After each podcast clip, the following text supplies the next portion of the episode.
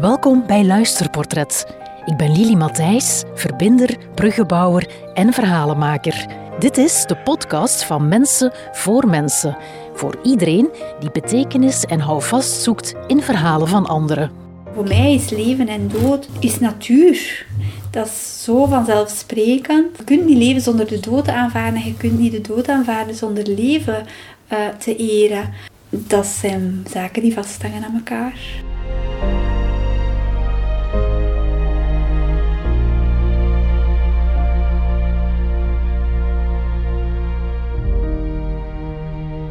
Christine, welkom. Hallo. Um, Dag Lili. Jij hebt een verhaal meegenomen. Um, ik ben benieuwd naar welk moment in de tijd dat jij ons terugneemt om jouw verhaal uh, op te bouwen.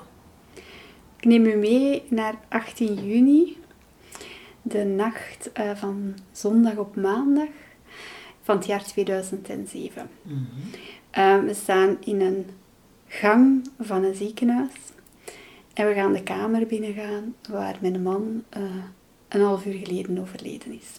Mm -hmm. Maar uh, waar ik op de gang aan het wachten ben tot ze hem zijn trouwkostuum terug aan hem aangedaan om hem eigenlijk de laatste zegen te geven en hem de laatste keer te zien. Ja. Ja. Wow, dat komt wel binnen. Um... Op deze moment voor jou misschien harder dan voor mij. Ja.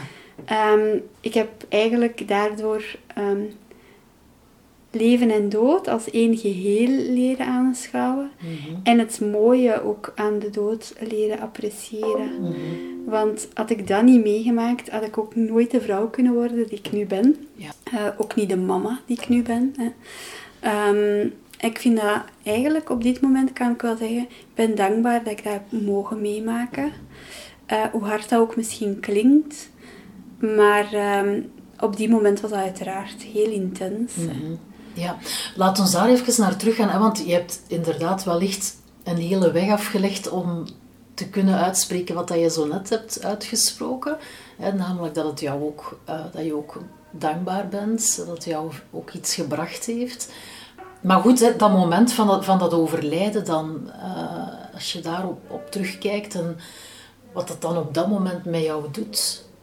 Um, wat doet dat op dat moment met mij? In die zin, ik, um, ik stond in die kamer niet alleen. Hè. Mijn schoonzus was bij mij, die had ook bij mij gewaakt. Um, er was de dokteres die de vaststelling kwam doen en er was de pastoor. Maar er was ook mijn zus en mijn schoonbroer. Die heel dicht bij elkaar stonden en die elkaar heel dicht vastpakten.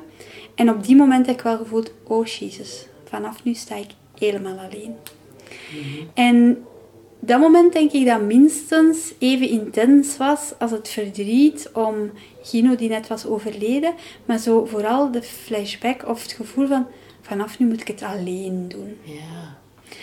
En dan ben ik mij gaan afvragen, um, moet ik het wel alleen doen? Ja. Oh, ja. Vrij snel dan, dat je dat je bent beginnen afvragen? Moet ik het wel alleen doen? Um, ik ben niemand die heel vaak hulp vraagt. Maar um, met dat ik het idee had van er gaat iets intens gebeuren, ja, mijn intuïtie had die, had die boodschap mij al duidelijk gebracht. Um, had ik me daar een stuk op gaan voorbereiden. En had ik ook met hem de mooie gesprekken wel gehad van, eh, als jij er niet meer bent, mm -hmm. hoe zou jij willen dat ik voor de kinderen zorg draag? En wat is voor jou belangrijk? -hmm. um, en welke waarden wilde graag dat ik ze meegeef? Mm -hmm. um, dus dat was voor mij de twee moeilijke gesprekken die er zijn geweest, hè, een paar dagen voor zijn overlijden. Ja. Maar als je op een gegeven moment een stuk lever op de grond ziet liggen, dan weet je dat het niet oké okay is. Hè. Dan weet je dat dat eigenlijk het einde is, dat dat lichaam helemaal op is. En wie zou ik dan zijn om dat nog veel langer te rekken? Dan vond ik dan ook een stukje egoïstisch om hem zo te zien afzien. Mm-hmm. um, maar het mooie eigenlijk is geweest dat die gesprekken ons, al die dertien jaar die we samen waren, goh, dat stelde niets voor ten opzichte van die twee waardevolle gesprekken. Yeah. Want dat zijn gesprekken dat ik nu met mijn nieuwe partner al veel vroeger heb gedaan. Ja. Zonder dat daar iets van sprake is van een afscheid. Dus ja, dat, ja, Ja, ja, die hadden wel diepgang gebracht. ja. Ik ga daar straks nog, even, nog, nog op terugkomen. Ehm, als, je- als, we het had, als je het had over... Nu sta ik er alleen voor. Hè? Ehm, alleen voor, voor wat dan? Voor de zorg voor de kinderen? Ja, voor alles. Hè. De afbetalingen van het huis. Hè. We hadden een kei mooi huis gebouwd. Eh, maar die lening was niet mals. Eh, ik moet de kinderen allemaal naar school kunnen brengen. En drie kinderen. Hoe oud waren drie. de kinderen toen? 9, 7 en 2. Ehm, er waren ja, de zorgen voor de kinderen, want ja, niet alleen de danslessen hè, en, en hun naar hun hobby's brengen, maar ook op tijd op school. En ehm, iedereen heeft toch ook een beetje zijn extra aandacht nodig. Daarnaast dan ook, ja, hoe ga ik mijn werk doen? Want ik ben een jaar ervoor zelfstandig geworden als HR. Dus ook, hoe ga ik dat allemaal combineren? En mijn klanten, ik wil die niet teleurstellen. Dat ook vooral zo. Ik wil mijn klanten niet het gevoel geven van, oei, je kunt nu niet op mij rekenen. Ja. Dus dat was zo, ja, ik wou mijn kinderen niet gevoel geven van, je kunt niet op mama rekenen, want je hebt geen papa ook niet meer. Ehm, dus dat was zo, ja, wel heel intens van, ah, ik ga dat vanaf nu wel alleen moeten doen. Maar ja, Ja. En, en hoe keek je daarnaar dan? Naar dat alleen doen? Maar het mooie was dat ik in die week daarvoor met Gino nog had afgesproken van... ehm, ook al ben ik er niet meer, je kunt op mij rekenen. En we hadden heel mooie signalen ook afgesproken. Van, ja, ik ga wel zien dat je het verstaat. Hè. Wat ik bedoel, als je maar weet dat ik tegen drank en drugs ben. Hè, eh, zorg dat de kinderen ehm, niet prutsen met hun leven, maar dat ze er iets moois van maken en dat ze hun centjes goed beheren. Dat waren zo voor hem hele belangrijke eh, zaken. Ehm, we hadden dan nogal lachend gezegd, ja, op sigaretten gaan we niet veel kunnen zeggen, want hij, hij rookte hun ook wel. Dus ehm, dat, dat was voor hem ja, dan een moment van, van een, een grol en een lach. Ehm, maar alleen, ja, alleen is maar alleen van als dat je denkt dat je er alleen voor staat. Be- betekent dat dat je, dat je snel van, van die gedachte af was? Ja, eigenlijk wel. Ja? Want ehm, ja, ook zes weken later heb ik mijn nieuwe partner al leren kennen. Dat was heel snel. Voor vele mensen en ook voor de kinderen was dat in snelheid gepakt. Maar ik denk dat dat voor mij eigenlijk al dat proces zo hard bezig was ervoor, dat dat voor mij niet als onverwacht kwam. Eh, we hebben elkaar ook gewoon op de chat leren kennen. Tegenwoordig is dat hip, hè? maar toen in die tijd was dat nog wel vrij Nog nieuw? nieuw. Ja, Ehm, zijn partner had dezelfde ziekte als mijn man gehad. Zij was niet overleden, maar wel de keuze gemaakt van een ander leven te starten. Ehm, we hebben eigenlijk de eerste week zonder foto hè, hele diepgaande gesprekken gewoon. En dan waren we al bij wijze van spreken zo hard geconnecteerd en verbonden door de gezamenlijke dingen die we hadden meegemaakt, Ja. dat die een band al zeer snel intens was. En ja, op, op vandaag nog altijd heel Ja, mooi ja, intens ja. is. Ja, mooi. Dus dat heeft jou wel geholpen, eh, heel hard, om niet meer het gevoel te hebben, ik sta er nu alleen voor. Ja, ja zeker. Want ehm weliswaar woonde hij aan de andere kant van het land, hè, eh, hier in de Vlaamse Ardennen. Ik woonde toen in Zelen. Eh, en we zagen elkaar dan op woensdag en in het weekend. Ehm, maar uiteindelijk is dat dan een jaar later, woonden we dan eigenlijk al samen.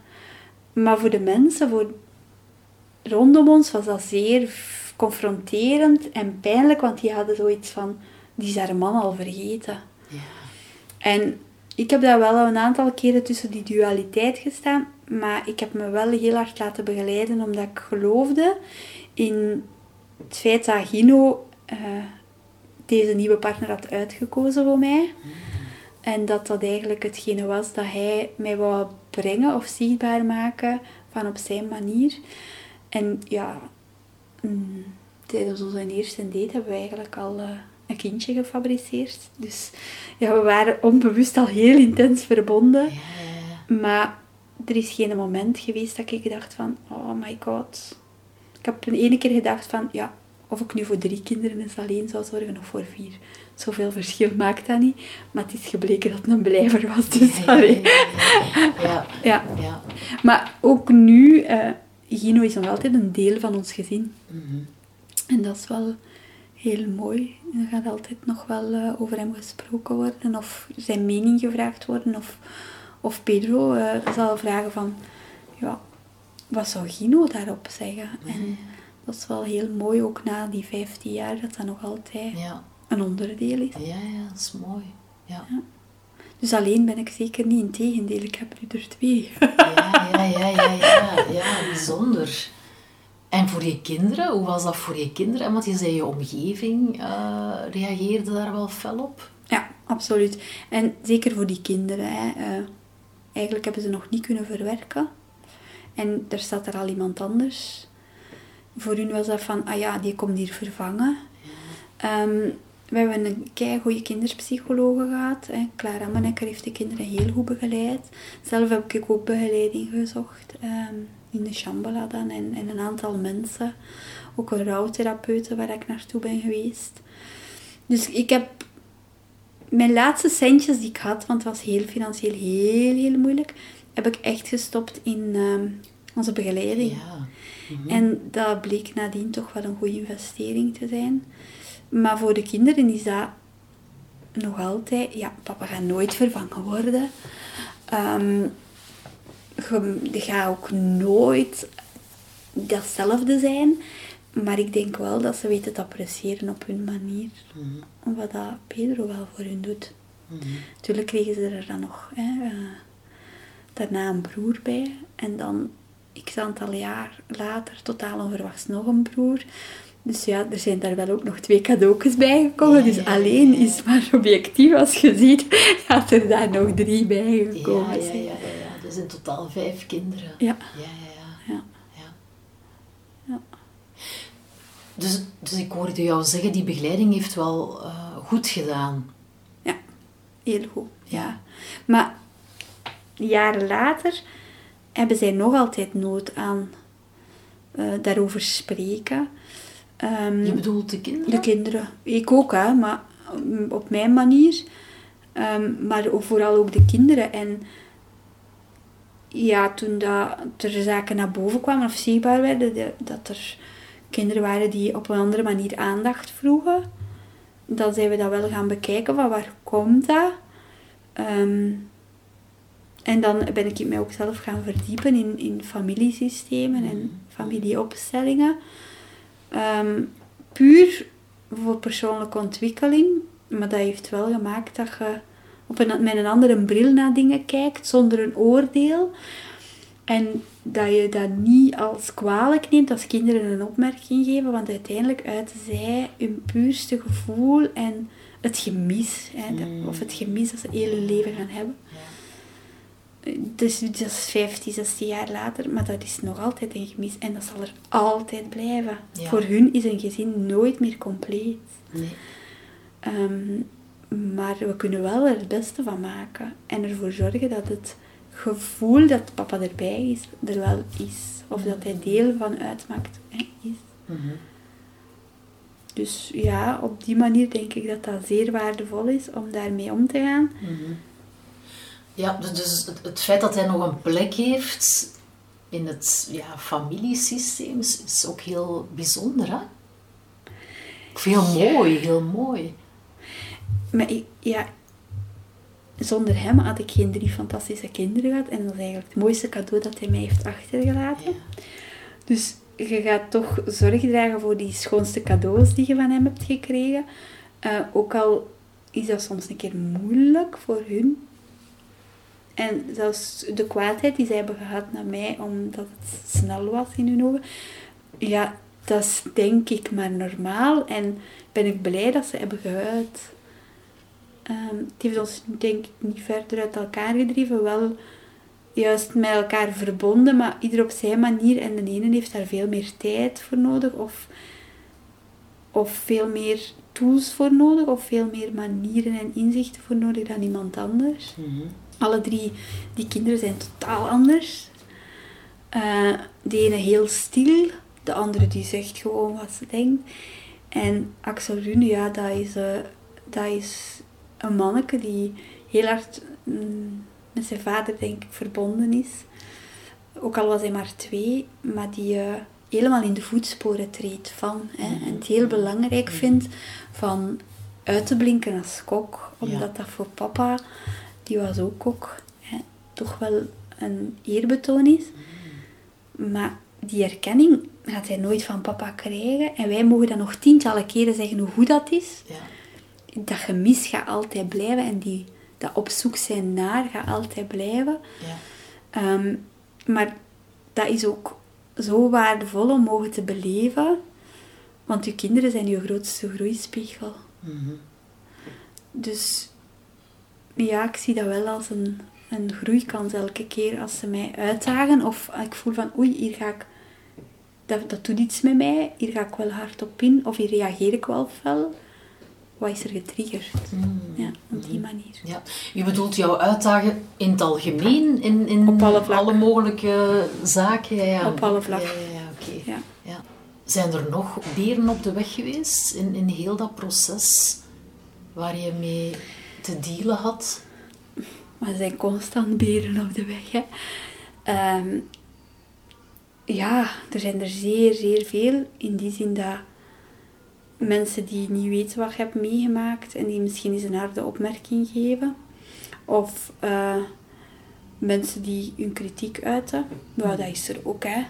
Ehm, maar vroeger zou ik gedacht hebben van, oei, wat heb ik die misdaan?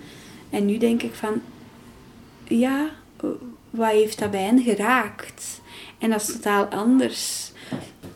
Ik, ik, ik vind dat super waardevol om de evolutie en de groei van mensen te zien. Ja. Dat is ook hetgene wat ik in mijn job doe. Ja. Dus dat, dat is wel tof. Ja. Betekent dat ook dat je, dat je mild bent naar, naar reacties van, van anderen? Ehm, misschien. Mhm. Mild is, dat is eigenlijk een keigoeie vraag, Lily. Echt een keigoeie vraag. Want ehm, ik voel vaak dat er iets is, maar ik sprak het nooit uit. Eh, en een aantal jaar geleden ben ik dan wel mij verder gaan verdiepen. En gaan kijken van wat, waarom reageer ik zo fel en waarom doe ik wat ik doe. En toen ben ik wel daar gaan bij stilstaan. Of, Eh, Mild, ja, dat is... Mild, ja, ik ben eigenlijk wel heel mild. In die zin dat ik bij mensen die hard zijn ook wel zie van wat zit daarachter. Mhm. En had je dat... Allee, hè, want in, in het begin was er dan ook reactie. Ben je daarin geëvolueerd Ja. dan? Ja. Dat is, ja. Ja, want ehm, Door jou te gaan verdiepen in die persoonlijke ontwikkeling, Maar ja, een stuk jouw begeleiding heeft jou daar misschien ook een stuk in geholpen? ja, vroeger ging ik kwaad zijn en energie verliezen. Hè. En een oordeel direct hebben van waarom doet hij dat? Hè? Goh, zeg, wat voor een reactie is dat nu? Hè? Ehm, terwijl nu denk ik van, oké, ja, dat is mooi dat jij die mening hebt en zelfs dat je ze durft te uiten. Ehm, ik, laat dat, ik laat dat niet aan mijn authentieke ik nog komen, terwijl ik dat vroeger wel deed. En daardoor een stukje mijn eigen wel verloren was. Ehm, en mij een stukje in de, in de hoek heb zelf gezet. Zo van, ja, ik ga dat niet meer... eh. Dat mensen zeiden, ja, waarom reageer jij zo? En, en nee, dat, dat, is- dat is weg. En door wat is dat dan juist weg? Ik denk door, hè, we, hebben, we hebben heel veel tegenslagen in ons leven. Hè. Eh, maar je gaat dat op den duur allemaal als groeikansen gaan zien. En die groeikansen, die eh kun je vormgeven door te gaan zeggen... ehm, ik pak ze vast en ik ga er iets mee doen. Of je kunt gaan zeggen van... Oh, wat komt er hier allemaal op ons pad? Hè? Daar is daar bijvoorbeeld eh, geweest dat ik een bedrijf had gestart met een collega... die dan op een gegeven moment gewoon zegt van... Ja, hè, eh, ik ga alleen verder ja, moeten daardoor beginnen wantrouwen die mensen? Nee, want eigenlijk heeft dat voor haar ook heel veel. Hè. Het is misschien juist de manier waarop die ik die ik anders had verwacht dan, dan dat zij heeft gedaan. Maar heb ik mijn verwachtingen ooit geuit. Ehm, dat zijn dan dingen zoals een brand. Hè. We hebben hier een woningbrand gehad. Ehm, daar ga je ook in het leven een keer heel hard bij stilstaan.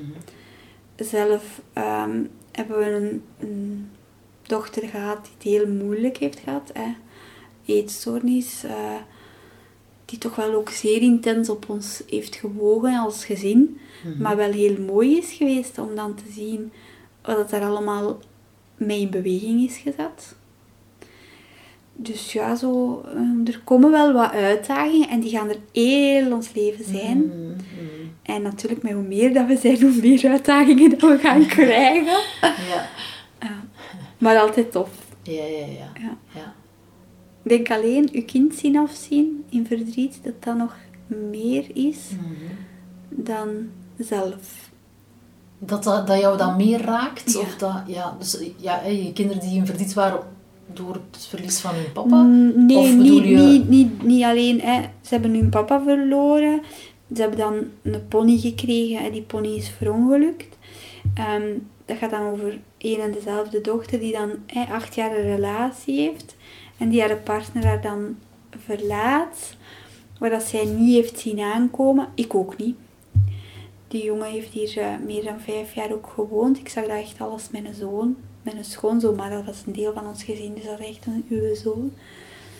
Haar verdriet voelen heeft mij, denk ik, nog meer verdriet gedaan. Um, maar we zien die jongen nog kei graag, hè, want hij heeft haar verlaten voor een andere partner dan de jongen is. Hè. Mm. Dus hij koos dan voor een totaal andere uiting. En um, dan, dan dacht ik van, ze kan dat aan. Ze is zo sterk omdat ze als kind heel veel heeft meegemaakt. Ehm, maar voor mij was denk ik uh, mijn schoonzoon zien vertrekken nog intenser dan mijn man afgeven aan een ziekte. Ah, oké. Ja. Wat was daar anders dan? Uh, je voelt dat je dochter dat niet heeft gezien aankomen. Dus die heeft niet dat proces zoals ik kunnen voorbereiden hebben. Zij zijn nu nog altijd de beste vrienden. Hè. Anderhalf jaar later zijn dat de twee dikste vrienden. En mijn moederhart is daar zo gelukkig mee. Ja. Maar zo weten van, ze heeft al in die mannelijke lijn toch wel een aantal keren dat verdriet ervaren. Gaat ze zich toch kunnen ten volle openzetten in een nieuwe relatie. Ik denk dat dat voor mij als mama ehm, ja, nog intenser is dan ja, ik moet als mama zorgen dragen voor mijn kind, maar dat is een verdriet of dat zijn zaken dat je niet kunt voorbereiden. Mhm. Ehm, je kunt ze wel een stuk daarin helpen dragen hè, en daarvoor openstaan om met hen te praten. Ja. Maar ik merkte dat ik toen zelf in mijn verdriet ben gegaan. Dat ze niet een volle mij als beschikbare klankwoord had. Mhm. Omdat ik het waarschijnlijk ook niet had zien aankomen en dat dat uh, voor mij minstens even intens was ook al mag dat niet. Hè. Ja. Maar, dus, je, dus je ervaart, ik hoor jou zeggen, je ervaart dat als een andere intensiteit, want jouw Gino, Gino heb je wel, allee, dat wist je wel, hè, dat zag je aankomen. Ja. Dat is een heel andere beleving. Had ik mijn man verloren in een accident, dat zou ook totaal anders zijn geweest, denk ik.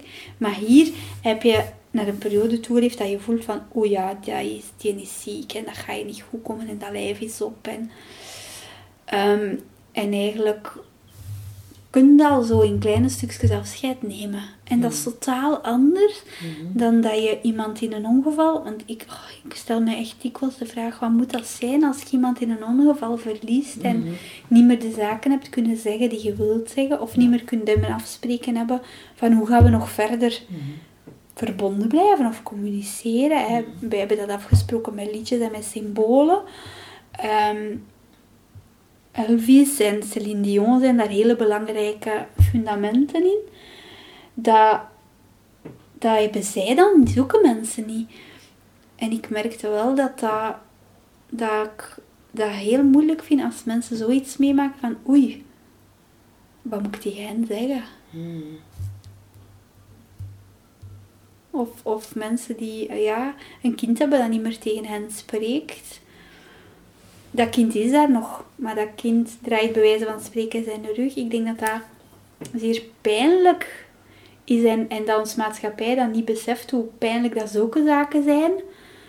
We zien alleen maar als iemand dood is als een pijn, maar er zijn ook andere manieren van verdriet en van pijn ervaren. En iemand kan het gevoel hebben goh, eh, dat als iemand gehandicapt geraakt, dat hij een stuk zijn partner is verloren. Ja, dat vind ik minstens even intens als iemand die iemand moet begraven. Dus ja, er zijn wel zaken die bij mij daarna zijn gaan op een andere manier gaan bekeken worden. Ja.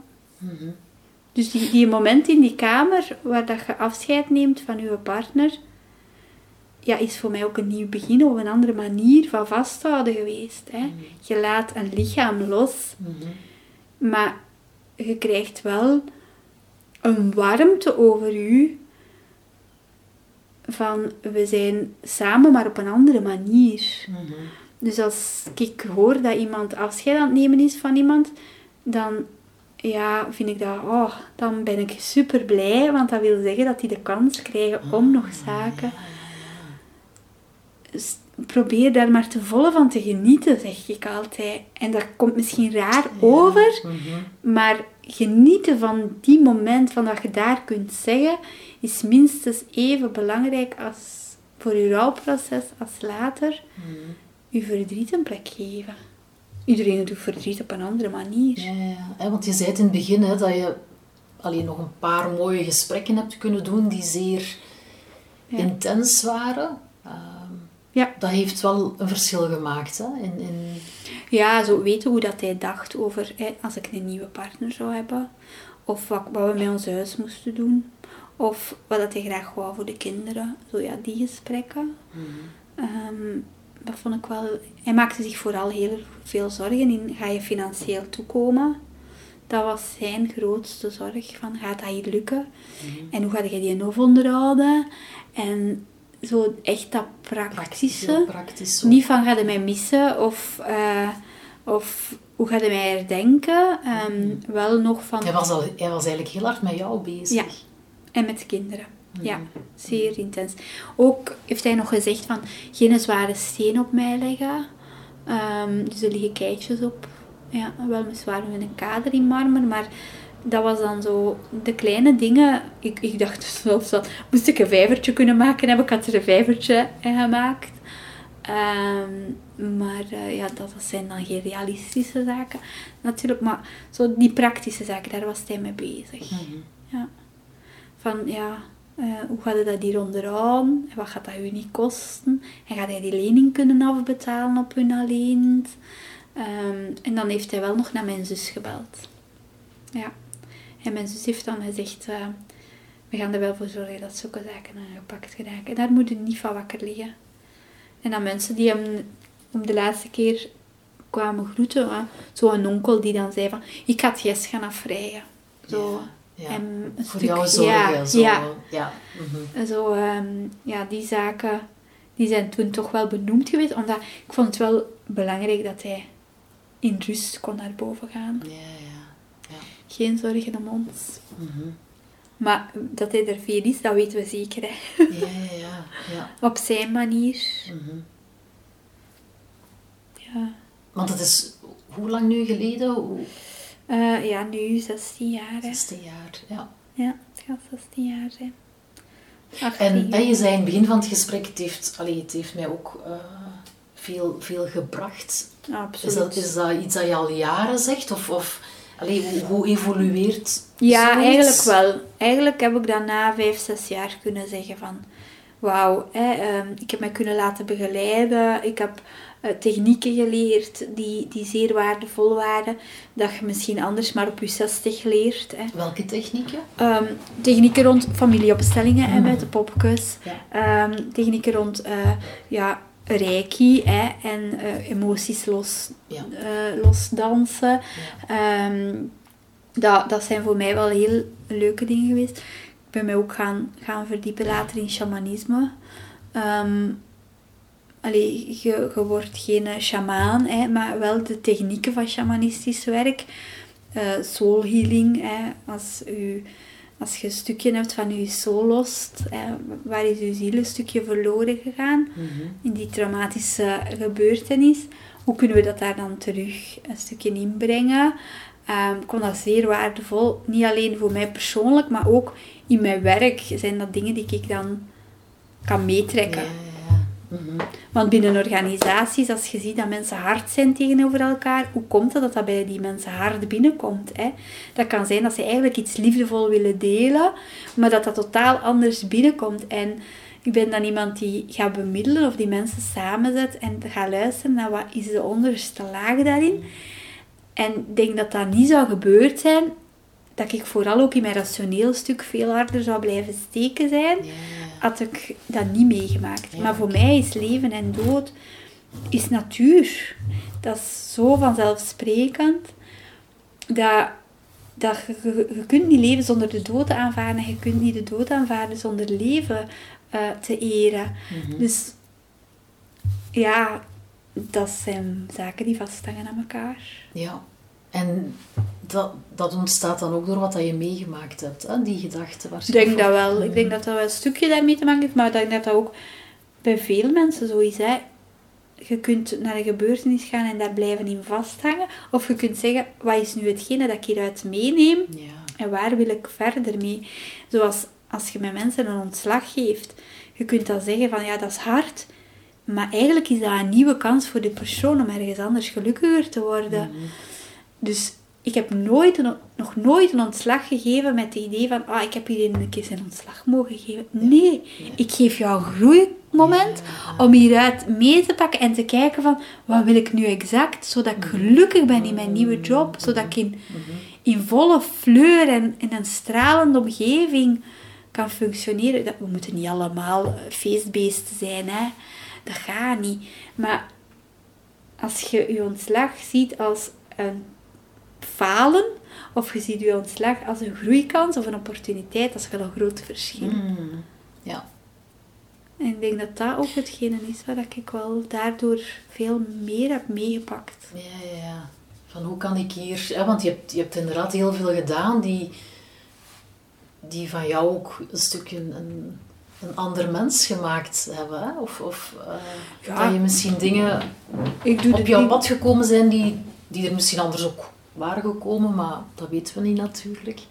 Ehm, maar je zei wel, het heeft van mij ook wel een, een ander mens gemaakt. Of het heeft mij ook nieuwe kansen gegeven. Ja, ja. Allee, kan, of dat, dat beter of slechter is, dat weet ik niet. Want dan, dan moet ik terug naar die tijd van voor 2007.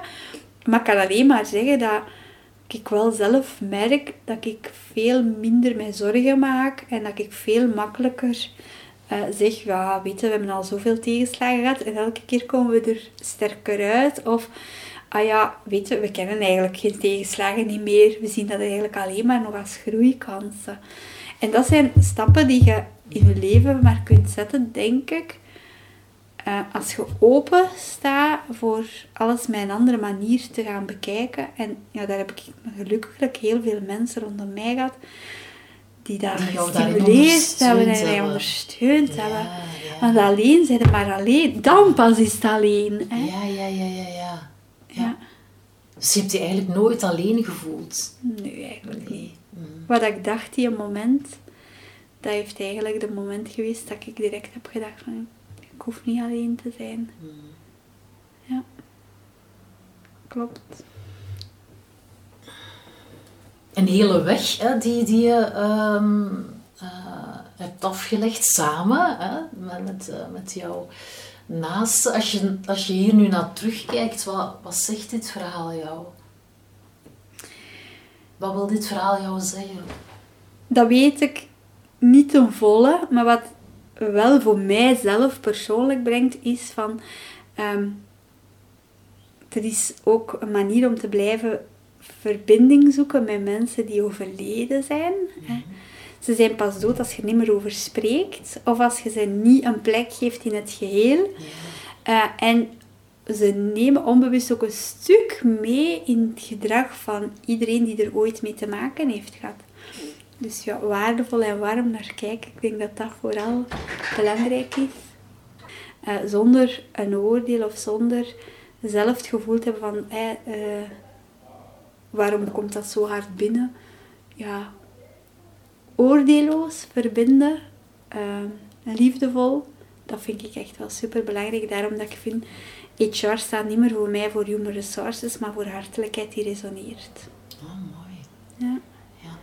Want als je met een open hart en een open blik met iemand in gesprek gaat of in verbinding gaat, dan geeft dat zoveel andere inzichten dan dat je dat puur vanuit je eh, rationeel stuk of feitelijk stuk gaat doen. Dus ja, ben ik blij dat jij hier ook vandaag geweest bent, Lidie. Ja, ik ben heel blij dat jij eh, ook weer jouw verhaal met mij wilt delen. En Met met de luisteraars uiteraard ook. Hè? Met Ja. plezier. Als we allemaal samen een beetje liefde en warmte kunnen gaan rondstrooien, dan zijn we met schone zaken bezig. Dan zijn we goed bezig. Dan zijn we goed bezig. Ja. Dankjewel. Dag gedaan. Bedankt voor het luisteren. Wat heeft dit verhaal voor jou betekend? Misschien wil jij ook een verhaal delen en anderen mee inspireren? Wist je dat je je verhaal ook kan verpakken en schenken aan iemand? Neem een kijkje op de website luisterportret.be. Het zou fijn zijn als je de podcast volgt en erover vertelt, zodat er nog meer gesmuld kan worden van betekenisvolle verhalen.